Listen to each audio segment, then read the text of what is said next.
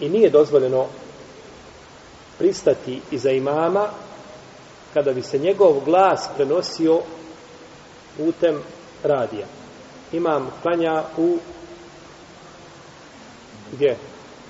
U televiziji, u radiju, nije bitno gdje i prenosi se preko zvučnika. U arapskom svijetu danas u nekim zemljama ima znači zove se ovaj a,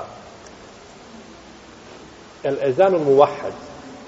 A to je znači jednoobrazni ezan, jedan ga čovjek uči iz radija, u svakoj džami ima radio koji ga prenosi i čuje se. Znači u jednom momentu počne, u jednom momentu završava.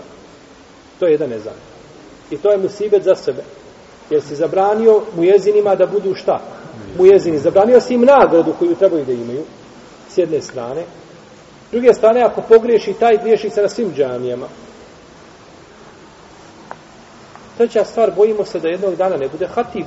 Tako, pođeš u džami, mimbar prazan, ali tebi neko priča. I ti da slušaš. I onda nakon toga prouči se i kamet, ali opet nema imama. Ti klanjaš, a nema koga. Nema hođe. Nego ti klanja tamo iz radija. I toga se bojete.